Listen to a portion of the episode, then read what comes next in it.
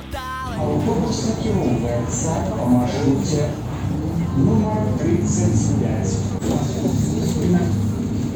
Плошча Савецкая. Добрый дзень шаноўныя слухачы вы слухаеце падкаст утульны горад а мяне завуць Даша. І сёння мы тут сабраліся каб пагаварыць пра культурную спадчыну справа ў тым што ўсе гродзенцаў трыгерыць добры не ўсіх але мяне асабіста трыгерыць калі мінчукі напрыклад пачынаюць расказваць што гродна такі еўрапейскі горад. Вось ты прыязджаеш і спачуваеш там душою. Такая у вас там культура такая архітэктура. Той хто бачыў фарты або фолюш ніколі ў жыцці не скажа што ў гродна еўрапейская архітэктура. Але гэта конечно ўсё жартачкі нават у цэнтры у гістарычным у нас заўсёды ўзнікаюць спрэчкі з нагоды таго што вось тут зруйнавалі нейкі будынак які прадстаўляў нейкую культурную спадчыну памеркаванне гродзенцаў. Але адміністрацыя горада так не лічыла. Хто тут меў рацыю? Нейкі будынак наадварот адрамантавалі а лепей бы гэтага не рабілі кажуць гродзенцу сваіх фейсбуках і так адбывалася напрыклад з думам люціка які знеслі і пабудавалі нейкае новае збудаванне а, так было са старым замкам вядомым так было з паравозным дэпо так было шмат з чым і вось каб прыпыніць гэтыя спрэчкі і раз і назаўсёды вырашыць што можна лічыць культурнай спадчынай і як яе можна абараняць я вырашыла запрасіць сапраўднага навукоўца які не проста спрачаюцца ў фейсбуках такон таго што як трэба было рабіць а разбіраецца ў гэтай тэме дакладна. Сёння да нас завітаў сцяпан стурейка добрый дзень спадар сцяпан добрый дзень даша раскажыце каля ласка Чым вы ўвогуле займаецесь якая сфера вашых навуковых інтарэсаў? Я з'яўляюся дацэнтам еўрапейскага гуманітарнага універсітэта. У нас там дзве праграмы бакалаўрская, называется еўрапейская спадчына і магістарская, якая называется развіццё культурнай спадчыны. Вось гэтым я займаюся, апрача гэтага мы ўжо другі год выдаем альманах Ctrl-S, той, хто ведае, што за камп'ютарная команда Ctrl-S гэта азначае захаваць ён цалкам прысвечаны культурнай спадчыне і гэтая назва яна пра тое што мы імкнемся не ігнараваць сучаснасць 21 стагоддзя у размовах пра спадчыну нарэшце я з'яўляюся лідарам міжнародна прызнанай грамадскай ініцыятывы і камоз Беларусь гэта беларускае адгалінаванне міжнароднай арганізацыі дарача органа ЮНЕСКа якая займаецца пытаннямі культурнай спадчыны ў самым шырокім сэнсе. Адні матэрыяльнай да рэстаўрацыі архітэктурнай беларускі камітэт мае міжнародную акрэдытацыю на жаль ён быў пазбаўлены акрэдытацыі у самой беларусі ну што рабіць давайте тады аб тым что такое увогуле спадчына. Даша а вы як бы адказалі на гэта пытанне? Бо это слово яно такое распаўсюджаны усе ведаюць ягонае значэнне ага, ад прадзедаў спакон вяку нам засталася спадчына. Ну гэта тое что нам засталося ад прадзедаў спакон вяку. Думаеце? Гэта найбольш распаўсюджаная сапраўды трактоўка. Да тое што засталося такі leftovers парэшткі так якія чамусьці для нас каштоўныя Вось гэта такое класічнае разуменне культурнай спадчыны, якое пануе ў галовах як абывацелі, так і большасці экспертаў, прафесіяналаў, практыкаў і гэтак далей. Вось я асабіста лічу, што гэтае вызначэнне крышачку канцэптуальна ўжо састарэлае. Таму што мы жывем у сітуацыі бума культурнай спадчыны это той працэс які ну, цалкам незразумелы ягоныя карані. Ён пачаўся ну тут спрачаюцца розныя даследчыкі ў 80 можа ў 90 хіба з развіццём масава турызму з тым што ён стаў дасяжным? Хіба з развіццём еўрапейскіх нацыяналізмаў а пасля краху савецкага саюза? Цяжка сказаць якія карані. Але сэнс у тым што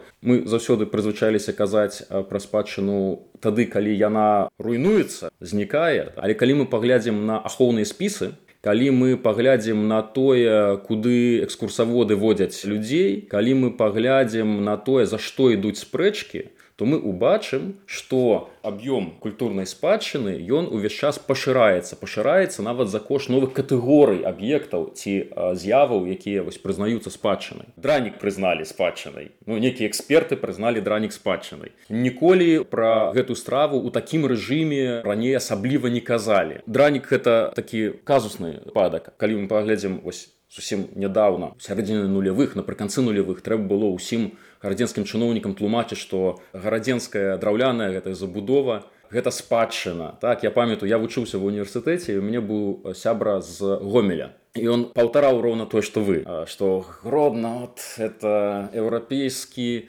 горад з архітэктуры а у нас-то што? Гомліш нічога няма. Я ему казаў дык у вас драўляная спадчына драўляная забудова цэлая квартальная выдатна захаваўшаяся ён казаў так што это за спадчына? Это быў і, і застаецца вельмі разумны чалавек. І тады гэта думка была досыць распаўсюджаная. А сёння дзякуючы з намаганнем спадара Югена малікова Евгена меркіса іншых гомельскіх актывістаў так і такіх прамоўтараў а спадчыны сёння гэта ўжо не выклікае сумніву у большасці людзей што вось драўляная архітэктура сапраўды вартая. Глядзіце пры нашым жыцці гэта адбылося. Індустрыальная архітэктура калі ласка. 20-30 гадоў гэта было вельмі экзатычна казаць што індустрыальная архітэктура яна мае нейкую каштоўнасць. Ну напэўна калі завод пабудаваны быў па-за мінулым стагоддзі то так. Але сёння нават былыя савецкія заводы уважаюцца як індастрыал heritage. Урэшце рэшт канвенцыя юнеска прысвечаная нематэрыяльнай культурнай спадчыне яна была прынята только ў 2003 годзе у 21 стагоддзе і гэтак далей. Ну сёння мы ўжо кажам пра digital born heritage. То бок нешта што мы надзяляем пэўнай каштоўнасцю некая інфармацыя якая ніколі не мела асновы ў рэальным свеце. Это не пра алічбоўку нейкіх рэальных рэчаў а там пра састарэлыя базы дадзеных фейсбук старонкі памёрлых людзей пра назапашаныя архівы там каталог онлайнера да?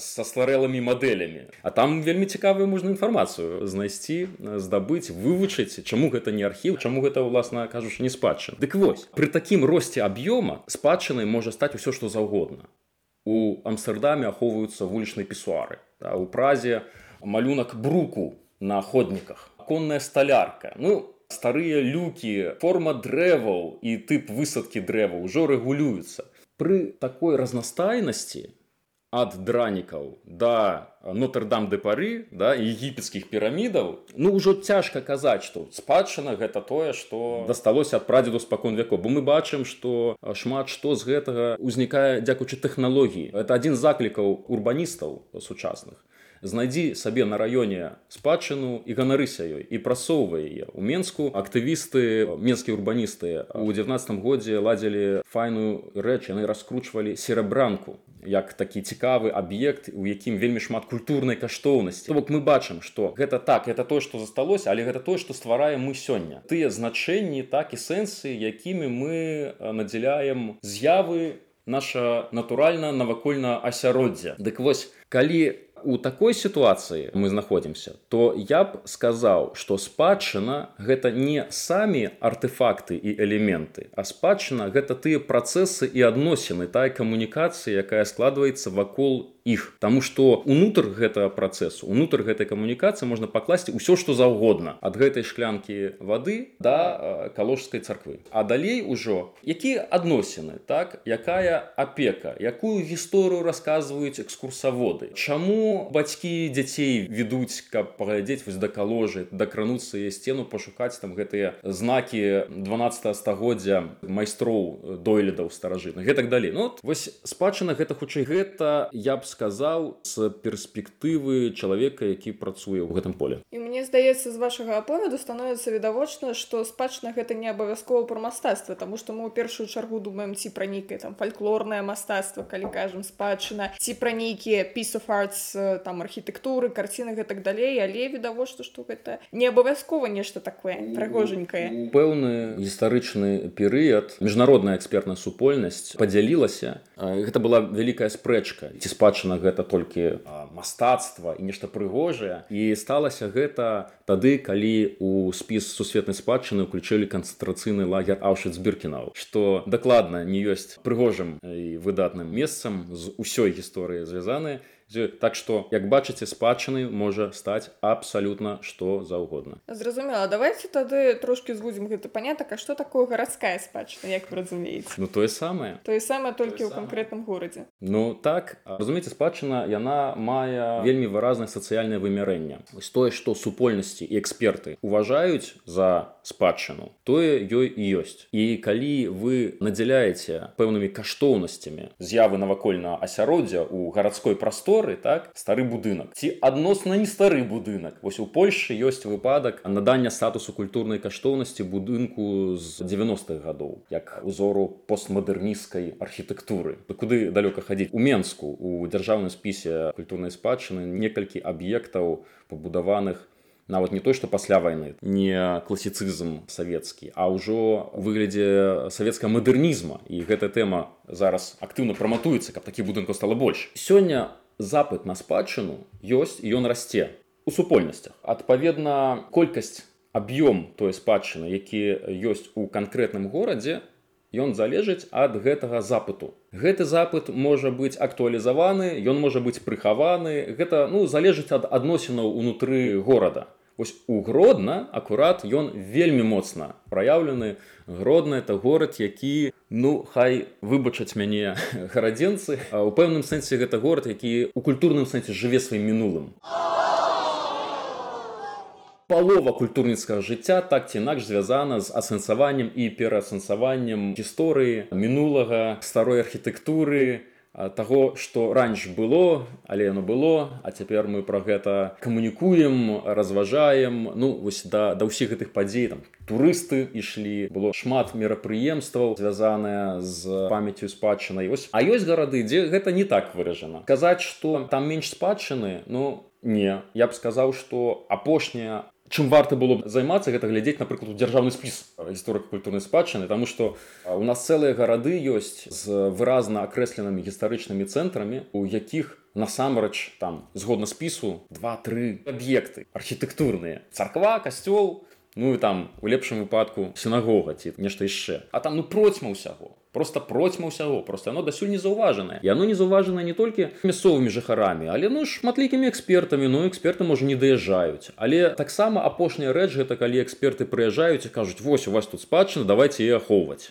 бо мы адмыслоўцы мы пазаканчвалі акадэміі. Вось гэта ваша спадчына і трэба ўносіць у спіс бо вы нічога не разумееце вы это самі зруйнуеце. Это ну можа часам гэта апраўдана калі гаворка пра найбольш каштоўныя рэчы часам. У большасці трэба працаваць з супольнасцю а гэта карпатлівая праца гэта это цяжэй чым зрабіць унёсак у гэты спіс. Трэба працаваць над запытам. Каб пачаліся вось тыя гэтыя адносіны бо будынкі то стаялі стаяць і нех жа яны дачакаліся гэтага ча так? Ну яшчэ можа пратрываюць. Ну камусьці не пашанцуе сапраўды. Але спадчына гэта не гэтай будынкі спадчына гэта адносіны калі хочаце больш спадчыны захаванай актуалізаванай зразумелай то працуйце над сукупнасцю адносінаў больш нават чым над рамонтамі ці ахоўнымі статусамі для асобных будынкаў. Вось такі мой тэзіс які я разумею што можа быць і спрэчныя але ўсё маё так бы мовіць жыццё ў гэтай сферы падводзіць мяне да яго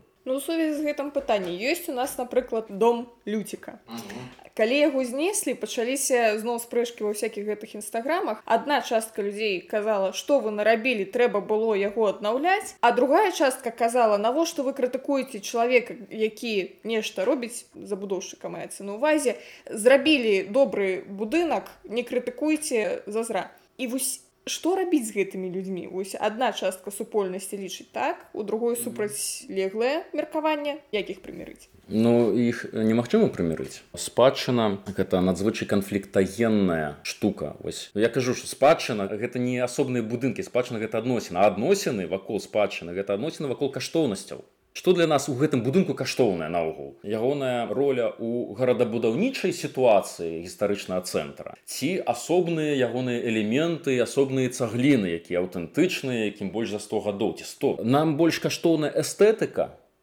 ці нам больш каштоўная матэрыя з якой яна складаецца? Амаль немагчыма зрабіць такі праект які б не выклікаў ніякіх спрэчак. Таму спрэчкі гэта інтэгральная частка ўсяго вось гэтага працэса. Я думаю, што прымярыць вось гэтых дыскутантаў не атрымаецца.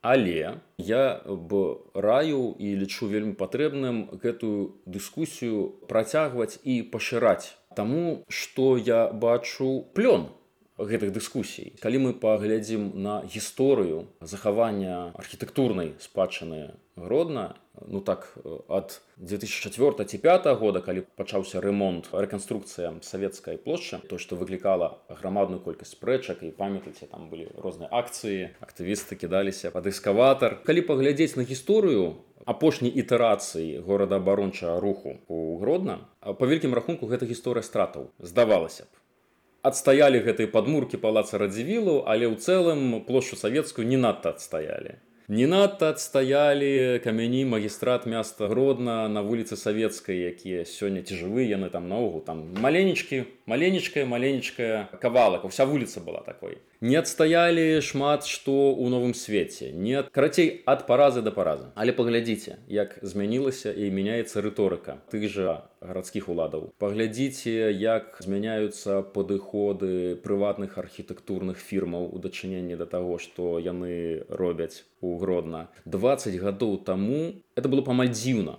кстати, аднаўленне вось это комплекса на замкавай справа ў тым што ў 16-17 стагоддзе на вуліцы замкавай у гродні кіпела жыццё. Там стаялі двухпавярховыя файныя домікі дзе на першым паверсе знаходзіліся ўсякія шынкі і крамы а на другім паверсе непасрэдна жылі іхнія гаспадары. Да прыходу савецкай улады захавалася ўсяго тры такія домікі у тым ліку славуты дом рыбака фасад якога ўпрыгожвала выява рыбкі. Рыбка захавалася зараз знаходзіцца ў музеі.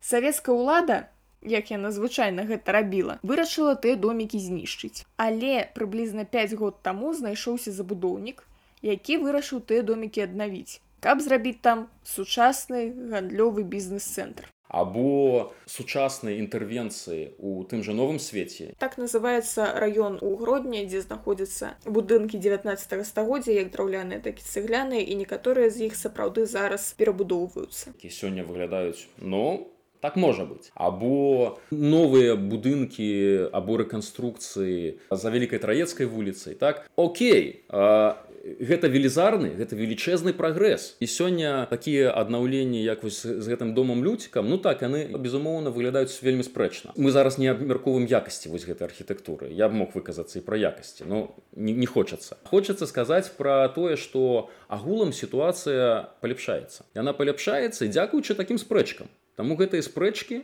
трэба працягваць гэтай дыскусіі. Яны мусяць патычацца як мага шырэйшае кола людзей, а не толькі спецыялістаў, якія і так гадамі сядзяць у гэтай тэме. А вы запытайцеся на вуліцы, А вы запытайцеся ў нейкіх там, моладзі якая толькі сёння пачынае цікавіцца. Да і гэтак далей. Гэты працэс ён не мусіць ізноў жа адбывацца стыхійна. Ён мусіць быць нек арганізаваны. Гэты працэс можа быць нейкім чынам накіраваны у канструктыўнае рэчышча у высвятленне таго чаго мы сапраўды хочам чаго грамада хоча да якія каштоўнасці мы адстойваем у наших узаемадачыненнях з горадам. Гэта ўсё праяўляецца потым у тых кіраўнічых рашэннях і у тых будаўнічых праектах якія адбываюцца. І сёння яны нашмат лепшы чым былі 20 гадоў таму. А можете прыгадаць які-небудзь проект які быў 20 год таму і ён такі сабе на ваш погляд? Я узгадаў выдатны кепскі прыклад. Рэканструкцыя дзіцяча света. Гаворка ідзе пра будынак на вуліцы савецкай на першым паверсе якога. Зараз знаходзіцца кавярня хотфікс гэты будынак за савецкім часам уяўляў сабой тыповую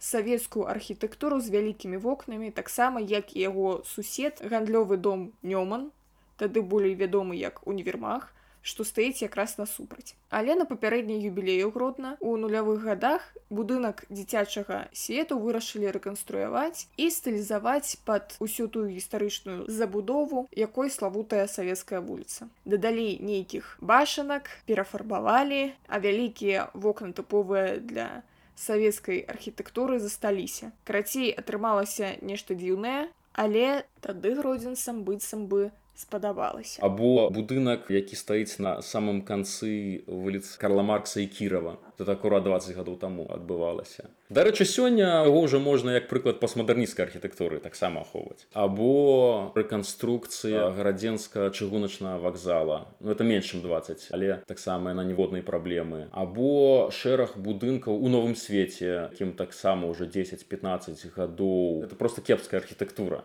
і яна дэманструе абсалютную непавагу да таго што адбываецца ну той же падземны пераход на баторыя якія лучаць савецкую плошчу з гэтай вуліцай Вось вам прыклады сёння лепш. Згодная. А вось давайте наконт кепскай архітэктуры як адрозніць кепскую архітэктуру ад не кепскай гэта пытанне крыху ў бок пытанне хутчэй да архітэктараў. Я б мог вас навучыць адрозніваць кепскую рэстаўрацыю добрай. Давайте. Рэстаўрацыя змяшчае тры аспекты тры часткі вельмі важны. Добрае дасягаецца ў балансе у суаднесенні гэтых трох частак. Што гэта за часткі? Першае гэта кансервацыя. То бок захаванне як мага больш аўтэнтычнай матэрыі аўтэнтычных элементаў старой сталяркі страпільнай сістэмы старых камянёў цагліны гэтак далей Вось чым больш мы можам гэтага захаваць, тым лепш. Іншая справа, што любая рэстаўрацыя гэта ў тым ліку будаўнічая дзейнасць, любая інтэрвенцыя будаўнічая, яна змяншае колькасць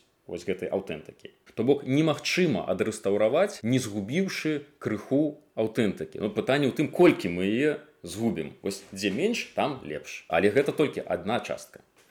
Другая частка гэта рэканструкцыя. Мы рэстаўруем Дзеля чаго? Каб выкарыстоўваць. Напрыклад, каб жыць у гэтым доме, ці каб там быў музей беларускай культуры. Мы ж сядзім у гістарычным будынку але ён абсалютна сучас ну не абсалютна сучасным дастаткова сучасны. Мы сапраўды знаходзімся ў будынку 19 стагоддзя ў самым цэнтры вільні і калі звонку здалёк відаць што гэта стары будынак то знаходзячыся ўнутры і гледзячы на белыя сцены празрыстыя шкляныя дзверы ніколі не падумаеш што калісьці тут месцілася масонская ложа а не заўсёды гэта было гняздзежка сучасных хіпстараў нам ім комфортна узімку ёсць ацяпленне ёсць святло так ёсць вода. Дык вось часткай рэстаўрацыі з'яўляецца рэканструкцыя то бок забеспячэнне функцыі гэтага будынку вы разумееце што каб правесці кандыцыянер трэба было дзірачкі прасверліць каб абсталяваць каналізацыю яшчэ большай дзірачкі трэба А як без гэтага каб тут быў добры мікраклімат вось у вас шклопакет стаіць ён правда добры добра зроблены але гэта шклопакет. І вось наколькі добра забяспечаны забяспечаная функцыя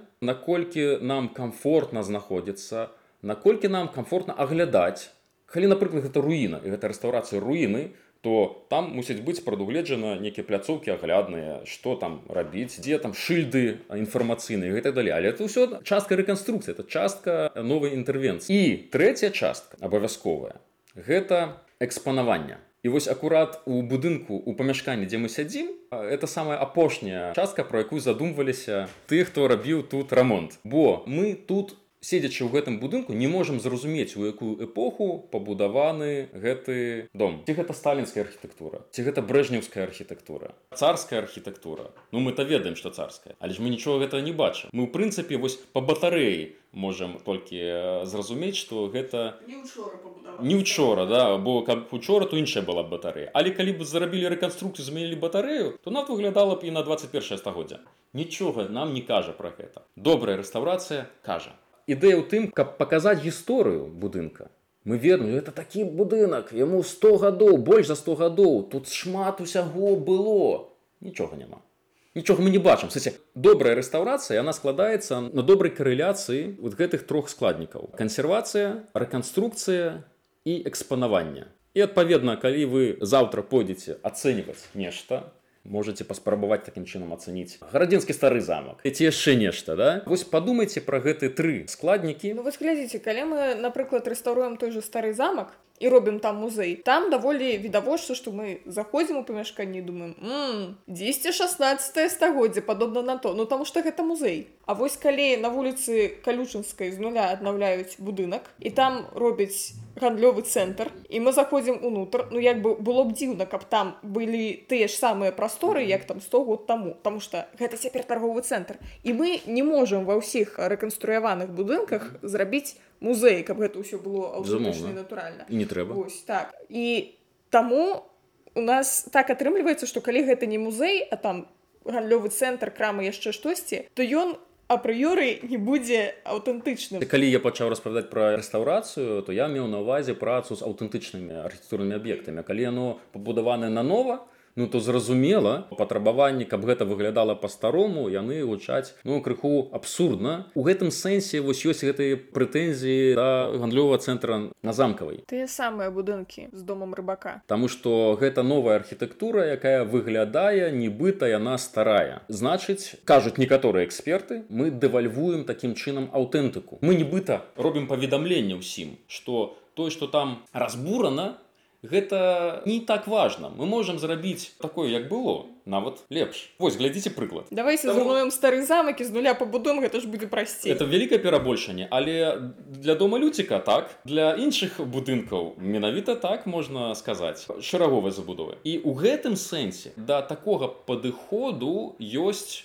ёсць пытанне. Новыя мусіць выглядаць новымі сучасным. Ведаць рознай стылізацыі нават калі мы кажам пра рэстаўрацыю рэстаўрацыю сапраўды старых будынкаў. Разумееце вось гісторыя будынка якому 100 гадоў 200 гадоў у нас ёсць будынкі якім 300 гадоў. Уявіце колькі там усяго адбывалася. Ось падыдзіце да сцяны каложы да той якая нібыта аўтэнтычная і паўзірайцеся ў яе уважліва вы ўбачыце следы перабудоў вы ўбачыце што там кавалак аднекуль прыманціраваны там новая кладка там закладзены вакенны праём так тут закладзены ўваход праход і гэта гісторыя якая з кожным абсалютна кожным будынкам адбываецца. Які стары. Іх увесь час рамантавалі рэстаўравалі. Да нават і новы. Ось любую хрушоўку зайдзіце і паглядзіце колькі там слаёў шпалер на сцяне. І калі сёння мы займаемся рэстаўрацыяй трэба таксама разумець што мы працуем не толькі гэтых трох накірунках про якія я акрэсліў а мы яшчэ апрача гэтага ствараем наш слой. То бок потым патомкі па нашай працы будуць разумець нас і нашу культуру. Таму я ўсё ж таки прыхільнік таго што ўсе новыя інтэрвенцыі ад нашага часу мусяць быць выразна сучаснымі. Яны не мусяць быць стылізацыі падробкамі пад даўніну ці нешта такое. Ізноў жа у грамадстве ёсць запыт на такі цэласныя аднаўленні. Ізноў жа гэта прадмет дыскусіі ізноў жа гэта прадмет таго наколькі сучасныя архітэктары могуць якасна праектаваць новае. Часам здаецца што паўтарыць старыя формы услед за старымі абмерамі ці фотаздымкамі фотокарткамі гэта можа прасцей. Ізноў жа трэба дыскутаваць і падключаць архітэктараў. Глядзіце то бок на ваш погляд аднаўляць увогуле не трэба не ну, першая рэстаўрацыя гэта ёсць аднаўленне. З нуля. Ну вось як фара вітулта трэба але гэта мусіць быць вынікам кансенсусу і дамоўленасці. Паколькі спадчына гэта адносіны вакол аб'екту гэтай адносіны пра каштоўнасці то спрэчкі будуць заўсёды вот глядзіце гісторыя архітэктурнай рэстаўрацыі рэканструкцыі да? другая сусветная вайна руйнавання варшавы так і потым у першыя ж гады аднаўлення гэтай варшавы. І не толькі варшавы але таксама і гданьска і вроцлава і пэўнай колькасці іншых гарадоў у заходняй Еўропы а далёка не ўсё аднаўлялася Напрыклад, горад Ковентры не аднаўляўся ў Вкабрытаніі. Роттердам зруйнаваны такім жа чынам, як Варшава, не аднаўляўся менавіта з-за таго, каб не рабіць новае ў целе старога. У Польшы эксперты вырашылі інакш. Аднавілі варшаву, парадаваліся і у 1964 годзе прымаецца венецыянская рэстаўрацыйная хартыя. Дакумент, які наўпрост забараняе аднаўляць. Ён выразна аддае прыярытэт кансервацыі над аднаўленнем. Калі захаваліся руіны, захоўвайце руіны. Не аднаўляйце. Хто аўтар, адзін з суаўтараў гэтай венецыянскай хартыі? Прафесор Ян Захватович, аўтар і ідэолог аднаўлення варшавы. Это каб вы разумелі. людзі што- мяняюць што няма простых адказаў так Окей рушым далей і вось нібыта экспертная супольнасць ужо прымірылася з тым што не варта аднаўляць але адбываецца распад савецкага саюзу і сацыялістычнага лагера адбываецца аб'яднання нямметчыны і нямецкія гарады пачынаюць аднаўляцца вось літаральна у 19 годзе было адкрыццё новага гістарычнага цэнтра франкфурта на майне. Я нават прысутнічаў. І гэта было зроблена абсалютна па ўзоры варшавы толькі праз 80 гадоў. Аднаўляецца дрэзден і гэта ўсё парушэнне венецыянскай хартыі. У вільні будуецца палац валадароў. У менску аднаўляецца ратуша. У магілёве аднаўляецца ратуша. У рызе аднаўляецца дом чарнагаловых І архітэктары, рэстаўратары, спецыялісты па спадчыне задумваюцца над тым, што штосьці дзеецца не так. І прымаецца рыжская рэстаўрацыйная хартыя ў 2000 годзе. Яна кажа, што ў выключных выпадках, калі гэта адпавядае нацыянальным інтарэсам і калі гэтае аднаўленне мае асаблівае значэнне для ідэнтычнасці таго ці іншага месца, тады можна. Разумееце, і калі вы запытваецеся, ці можна ці нельга, У мяне перад вачыма стаіць вось проста гісторыя. Я разумею, што пры розных абставінах могуць прымацца розныя рашэнні. Але гэтыя рашэнні яны тым больш пазітыўна будуць успрынятыя, чым больш яны прадыскутаваныя загадзя. Чым больш самыя розныя эксперты, самыя розныя бакі, прадстаўнікі грамадскасці, ці там калі пра фару вітаў так казаць, то рэлігійныя прадстаўнікі вядома, прычым розных канфесій. Усім ёсць што сказаць пра гэта і вынік іх гутарак мусяць потым скласці аснову задання на праектаванне потым ужо калі архітэктурныя фірмы будуць праектаваць яны мусяць грунтавацца на тых каштоўнасцях і на тых падыходах якія будуць выпрацаваны якія будуць уважаныя за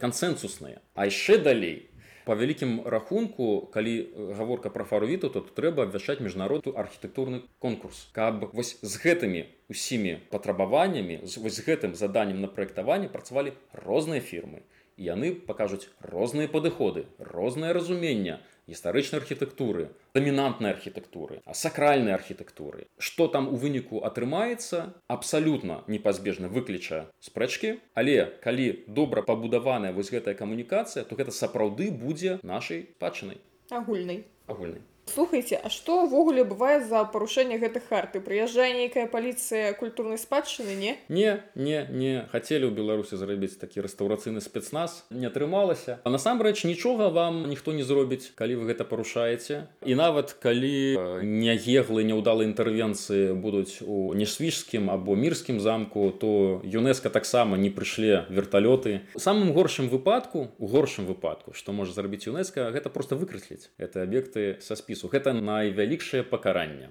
Гэтыя харты яны безумоўна гэта умоўнасць. Это некі намер. Як дарэчы большасць міжнародных пагадненняў. Это прамежкавая фіксацыя пэўнай крыху фармалізаванай дамоўленасці. Венецыянская хартыя гэта просто дэкларацыя. Дэкларацыя зроблена больш за 50 гадоў таму дарэчы. Безумоўна за гэты час пакаленні ўжо змяніліся архітэктараў. І ўжо для іх гэта некі артефакт з мінулых эпох. Вось той спосаб мыслення Ну, адпаведна з тых часоў насамрэч гэтай харты прынята ўжо вельмі шмат. А ёсць напрыклад канвенцыі ёсць еўрапейская канвенцыя аб культурных ландшафтах. Ёсць канвенцыя фаро.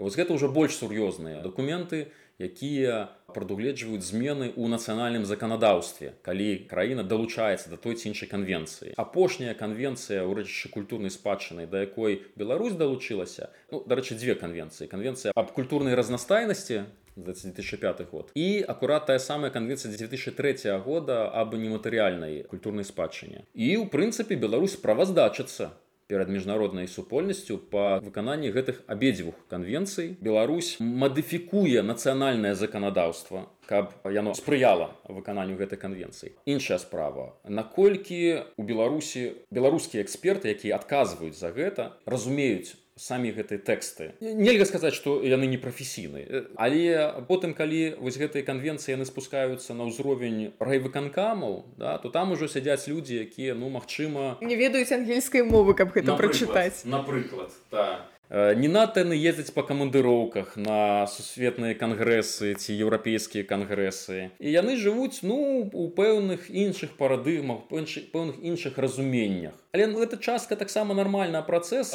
таму што насамрэч ва ўсіх краінах разумеюць крыху по-свойму іншая справа наколькі по-свойму это может быть вельмі по-свойму а может быть крыху по-свойму А вось у беларусі разумеюць ну так ну по-свойму адна з наших студэнтак магістратуры рабіла даследаванне менавіта пра выкананне канвенцыі 2003 года. Ёсць нават публікацыя про то як на раённым узроўні спецыялісты по нкс нематэрыяльнай культурнай спадчыне як яны разумеюць канвенцыю і адпаведныя дакументы тут ёсць у нас пра што казаць але пакуль бачыце мы про дранікі кажа слухайте ну дранікі яны карысныя іх можна з'есці. Знішчыць нематэрыяльную культурную спадчыну як жартуе антона стапович нядрэнна нядрэнна. Трэба удакладніць што пад дранікамі маецца на увазе традыцыя прыгатавання а не самі дранікі. Так варта было гэта ўдакладніць. Окей наконт знішчанай спадчыны. Наконт той же фаравітаў то ўсе гродзенцы ўвогуле маладыя задаюцца пытаннем як так у 60-х гадаў увогуле савецкай уладзе прыйшло ў галаву што можна ўзяць падарваць тую царкву. Прычым астатнія церквы пакінуць хай стаяць а гэтую менавіта падарваць. У вас ёсць адказ на гэтае пытанне? Ну часткова ёсць. Пачатак 60-х гадоў гэта апошняя ну некаторыя скажуць што перад апошняя бо яшчэ у 80 была спроба антырэлігійнай барацьбы. І гэта было звязана з палітычнымі пературбацыямі у вышэйшым кіраўніцтве савецкага саюза за новай палітыкай адлігі мікіты хрушчова. Разумееце у той час шмат хто у палітбюро шмат хто з функцыянераў лічылі што сталін адышоў ад ленінскіх ідэалаў. А сярод ленінскіх ідэалаў было будаванне грамадства на абсалютна новых падставах зварот сталіна да праваслаўнай царквы падчас вялікайчыннай вайны і пэўнае спрыянне праваслаўнай царкве. Потым было уважана як ну, пэўны адыход напрыклад сталінскі класіцызм вось гэты ампір. Гэта таксама у архітэктуры адыход ад ідэалаў мадэрнізма тое што вось гэты функцыяналізм канструктывізм які пачынаў развівацца ў двадцатые гады ён быў прыдушаны. І таму канец 50-х гадоў і пачатак 60-х гадоў гэта спроба ну крыху вернуць гэтыя ідэалы. І так сталася што сакральная архітэктура пала адной з ахвяраў. У сэнсе новай архітэктуры гэта эпоха нарадзіла лепшыя прыклады савецкага мадэрнізма. Тое што акурат мы імкнемся ахоўваць сёння. А вось гістарычная архітэктура на жаль крыху пацярпела не крыху нормально 61 год вельмі трагічны для усяго савецкага саюзу у гэтым сэнсе і ў прыватнасці для беларусі. 60-63 год Беларусь лішылася дакладна не лічыў 10 выдатных ектаў да? ну, 10 то дакладна. Сярод іх наша фара вітаўта а найбольш каштоўны Мабыць гэта царква 12 стагоддзя ў віцебску дабравешчанская царква. Праз месяц пасля яе зносу руіны і то што яшчэ засталося то што не дазнеслі было пастаўлена пад ахову і выйшаў адмысловы выпуск савецкага кінажурнала фіціль гэта такі сатырычны кінаальманах дзе высмейваўся знос віцебскай царквы Город Витебск. Здесь 800 лет простоял и не одну войну пережил редчайший памятник русского зодчества XII века, ровесник слова о полку Игореве, церковь Благовещения. но что время и войны по сравнению с возможностями иных градоправителей, в частности Николая Ильича Собельникова, председателя Витебского городского совета? Что это еще за древности такие супротив нашего гортеатра? Вопросил Николай Ильич. И всеми правдами и неправдами добился снятия памятника с охраны государством. А затем, недолго думая, уничтожил. Як цэнзура гэта дазволіла? Дык таму што адначасова у, у гэты перыяд перыяд адлігі абуджаюцца нацыянальныя рухі. Бо адліга ўжо не саджаюць ці так не саджаюць. Абуджаюцца нацыянальныя рухі нацыянальныя рухі яны вельмі завязаныя на спадчыну. І гэта адбываецца паўсюль і, і у самой рассіі у сэнсе у рсфср. Пачынае квітнець турызм унутраны людзі пачынаюць цікавіцца гэтымі храмамі і гэтак далей. Вось такі ізгіб гісторыі так у які некаторыя архітэктурныя шэдэўры сакральна дойлідства не ўпісаліся. Ну это трагічная з'ява але калі вы хочаце тлумачэння то вось яно. Ў гэты ж час 61 год ідзе разбурэння десяткаў церкваў і касцёлаў. 68 год праз 7 год мы ўжо маем першы у бСср закон об ахове спадчыны узнікнення таварыства аховы спадчыны. Пачынаецца праца над зборам помнікаў гісторыі і культуры беларусі. Это ўсё у адзін час. Вось гэты маятнік дайшоў да некая свайго экстрэмума і далей ён уже не мог ісці. Ён пайшоў у адварот бок. Вось. І у тым ліку дзякуючы гэтым знішэннем Таму што ну жахнуліся людзі. Жахнуліся Як вы думаеце, а чаму менавіта фара вітаўта вось каложу не чапалі фарны касцёл не чапалі, а фару вітаўта зачапілі. Ну это збег абставінаў на яе месцы мог быць все заўгодна Ну гэта ўсё рабілася па разнарадках трэба было прарадзіць гарадскую прастору ад такіх рэлігійных дамінантаў не ведаю як дакладна прымалася гэта рашэнне але хутчэй за ўсё гэта там на нейкіх нарадах планёрках было агучана ўжо мясцовыя ўлады вырашалі ну гэта стаяла бясхозная там не адбываліся службы. У адрозненне ад іншых аб'ектаў. От ізноў жа да? За 30 год да знішчэння акурат гэты аб'ект быў нейкім чынам прызнаны найменш каштоўным. За гэты час фара вітаўта стала адзіным аб'ектам які прайшоў маштабную рэстаўрацыю у польскай горадні за польскім часам. Стары замак не паспелі аднавіць. Знайшлі сродкі знайшлі ресурс і зрабілі такую рэгатызацыю гэта называлася. Она стала больш гатычнай. Іншая справа што сёння мы напэўна не прынялі такі падыход. Сёння іншыя стандарты. Такі падыход да кардынальнай змены выгляду будынка сёння быў бы ну вот паглядзіце спрэчкі наконт старога замка. Вось усе яны былі б тут. Глядзіце тады вяртаемся да таго ж старога замка. Як вам увогуле праект аднаўлення? Вы мяне ўсё цягнеце у ацэнку Так. праекта А мне хочацца сказаць пра працэсы якія вакол гэтага адбываюцца адбываліся. Рэстаўрацыя старога замка была задумана напрыканцы 80-х гадоў. І менавіта тады гэтым заняўся вядомы і ўжо памерлы рэстаўратар владимир бачкоў менавіта так была створана градзенскае падраздзяленне белай рэстаўрацыі але гэта быў такі час калі ўсё ж такі былі добрыя намеры і памкненні грошаў не было. Доўгі час на першым паверсе старога замка стаяў макет. Макет створаны менавіта тады і ён больш-менш адпавядае той канцэпцыі якая сёння рэалізавана. І доўгі час гарадзенцы марылі і шукалі грошы. Потым ужо грона грамадзян праект лабіяваў гэта аднаўленне. Упершыню пра афіцыйны намер ўсё ж такі здзейсніць гэтую рэстаўрацыю мы пачулі здаецца ў 2007 ці 2008 годзе А за гэты час вырасла новае пакаленне новае пакаленне рэстаўратараў новае пакаленне гісторыкаў з'явіліся новыя дакументы новы погляд на спадчыну і на канкрэтна гэты аб'ект гэта канфлікт пакаленняў з аднаго боку. А з іншага боку все тры вымярэння рэстаўрацыі кансервацыя рэканструкцыя і экспанаванне экспазіцыя яны ўсе прысутнічаюць у тым што там адбываецца на старым замку і можна спрачацца пра суадносіны на мой погляд малавата там экспанавання Хаця яно там ёсць. На думку іншых малавата там кансервацыі, Таму што некаторыя элементы 19 стагоддзя, некаторыя асобныя элементы нават значна больш раннія, то бок старэйшыя.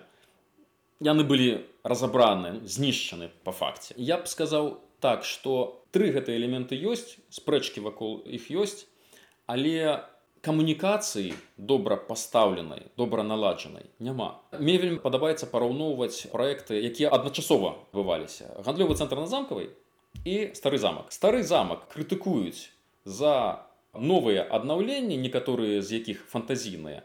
Гэтая ж крытыка абсалютна лёгка пераносіцца на гэты гандлёвы цэнтр. Там крытыкуюць у выкарыстанні сучасных матэрыялаў тое самае. Але чаму розна ўспрыняць? Чаму там больш схільная пазітыўна ўспрымаць на вуліцы замкавай так аб'ект. Стары замак менш пазітыўна. Таму што вось гэтых трох недастаткова. Бо яшчэ есть чацвёртая вельмі важная камунікацыя. Бо там дэвелопер правёў добрую піар-стратэгію. Ён заклікаў далучацца да раскопак грамадскасць да. Ён далучаў да праекта модных маладых перспектыўных архітэктараў. Яны там захавалі гэтыя падмуркі ну, старым замку таксама захавалі падмуркі. Яны паабяцалі што будзе гэта рыбка з музея злепак. Ну, яго правда няма. Але вось гэта рыбка я памятаю якое на добрае ўражанне. Як усе журналісты пісалі з захапленнем што яны з музея бережна зробяць гэты злепак рыбкі якая сапраўды захавалася і перанесуць. Вось гэта такая фішка фіш фішка фіш фішка менавіта нічога такога не адбывалася вакол старога замка. І калі вы пабачыце яго нават фатаграфуюць кепска. Гарадзенская дызайнерка Ірына варкулевич. Калі яна прыходзіць туды там са сваім дронам яна его хаця б прыгожа фатаграфуе я не да таго што грамадству трэба ўцюхваць да усе это ідэі прадаваць ім больш таленавіта маркетинг архітэктуры не. У сваю чаргу рэстаўратары таксама мусіць прыслухоўвацца да таго што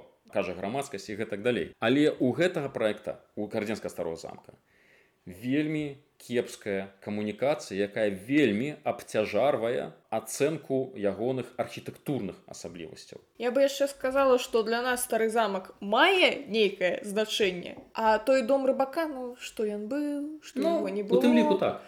Вось. Ведаеце асноўная прэтэнзія якую я чула да адноўленага праекту старога замка пабудавалі нейкі церемок Што гэта такое? Гэта непрыгожа так не выглядаюць нармальныя замкі маюць Ну. рацыю такія каментатары з аднаго боку маюць. Ну яны маюць рацыю у тым што яны выказваюць сваю думку і гэта шчырая думка. Ну не падабаецца ім гэта эстэтыка. З іншага боку не маюць сеце ну а як ён мусіць выглядаць каб ім спадабалася гістарычная архітэктура не абавязкова мусіць вам падабацца вось калошка царква на што такая прыгожая? Ну яна аўтэнтычная ну некая. Ну ну э, ну таксама ну як ну а дзе это аўтэнтыка? Колькі там аўтэнтыкі? Ну вось падыходзіш і адчуваеш што вось нейкае Ну, старое нешта. Да. а падыходзіш да старога замка адчуванне што гэта новы гандлёвы цэнтр. Ну ёсць так, ну не ну я згодны. Часткова ёсць такое адчуванне але ў прынцыпе э, любое рашэнне якое там прымалася абгрунтаванае. Там няма чыстых фантазій. Там ёсць недастаткова абгрунтаваныя рашэнні. Вось я так скажу. Але абгрунтавання у іх так ці інакш ёсць і вялікая частка элементаў архітэктурных там зробленая па аналогіі з будынкамі адпаведнага часу. У Польшы найбольш блізкія якія владимир бачкоў уважаў пабудаваныя тым самым архітэктарам. Тут ізноў жа ёсць спрэчкі на гэты конт але сказаць што гэта чыстая фантазія таксама нельга. Там просто крыху іншая логіка прыняцця рашэння крыху іншая логіка абгрунтавання гэтых рашэнняў. Разумееце владимир бачкоў быў абсалютным фанатам Жозепа Сак. Ён быў абсалютна ў захапленні. Ён вывучаў ягоную творчасць. І ў пэўны момант яму здалося, што ён зразумеў гэта архітэктара ягоную логіку і чаму ён так робіць. І таму у прыняцці пэўных рашэнняў Владимир Бачкоў і адпаведна праектыроўшчыкі, якія да яго прыслухоўваліся ў грамадзян праекце, сыходзілі не толькі з дакументальнай гэтай логікі, з таго што напісана ў інвентарах ці яшчэ дзесьці не толькі з гэта хаця з гэтай таксама але і з унутрана адчування логікі і душы архітэктара ягонай манеры канструявання прасторы. Гэта спрэчны падыход. Вось менавіта гэты падыход ён крытыкуецца сёння. Але нельга казаць што гэты падыход на пустым месцы. І таму калі нешта не падабаецца сёння чыста эстэтычна не трапляе ў ваш густ. Ну, гэта не азначае што рэстаўратор мусіць рэстаўраваць каб вам падабалася. Ну, стары замак не 100 даляраў. Значна больш. Вось не ўсім падабаецца да таго. То бок ўсё ж такі гэты праект ён адпавядае таму як замак выглядаў пры Стэфані батуры? Я не ведаю ніхто не ведае. Тыя ідэі якія ну нібыта альтэрнатыўныя яны гэтаксама гіпатэтычныя. Там просто іншая логіка абгрунтавання. Мачыма сапраўды з імі варта было пагадзіцца. Але гэта не зусім пра гістарычную праўду. Я хочу каб мяне правильно зразумелі. Так ну Мачыма там была такая лесвіца а не іншая. Але якая менавіта была лесвіца? Як менавіта яна выглядала? Мы можем казаць толькі ў вельмі агульных абрысах. І таму якім быў гэты замак дакладна вельмі цяжка сказаць. Ну фактычна гэта немагчыма. То бок любая наша сённяшняя прапанова гэта у той ці іншай ступені гэта гіпотэза далей мы толькі спрачаемся наколькі она блізкая ёсць штосьці бліжэй ёсць штосьці далей. Это у любым выпадку гіпотэза і мы мусім разумець гэта мы мусім рэфлексаваць мы мусім разумець што гэта наше ўяўленне настолькі прыбліжанае ці ці настолькі аддаленае ад таго што было насамрэч А калі сёння там музей то ўжо ж іншая логіка прасторы таго як мусіць выглядаць памяшканні бо яны музейныя бо там маршрут мусіць быць бо там вось мусіць быць аглядная пляцоўка бо это важная атракцыя ва ўсім гэтым музейным наведанні. То бок зрабіць як было пры Стэфані баторыі ніколі не атрымаецца. Мы мусім гэта разумець. Вот ну, ну шмат хто гэта не разумее ведаеце у мяне ўвогуле агульнае ўражанне з нашай сённяшняй размовы што мы гродзенцы не з тога боку каня запрагаем ад часу да часу ад пачатку трэба спрачацца ў фейсбуках а потым чапаць дом люціка Менавіта. а пакуль не паспрачаліся не чапайце Да, адзінае, што ты вынік мусіць рабіць не толькі тыя, хто спрачаецца ў фейсбуках, а ты, хто прымае кіраўнічае рашэнне. Окей, дзякую вам вялікі за тое, што вы сёння прыйшлі Дзякуй, што запрасілі, была вельмі прыемная размова. І мне таксама А вы шаноўныя слухачы подписывайтеся калі ласка на наш подкаст шэрце стаўце лайки і усякія іншыя прыемныя адзнакі пішыце каментары усім дзякую вялікі пачуемся Набывайте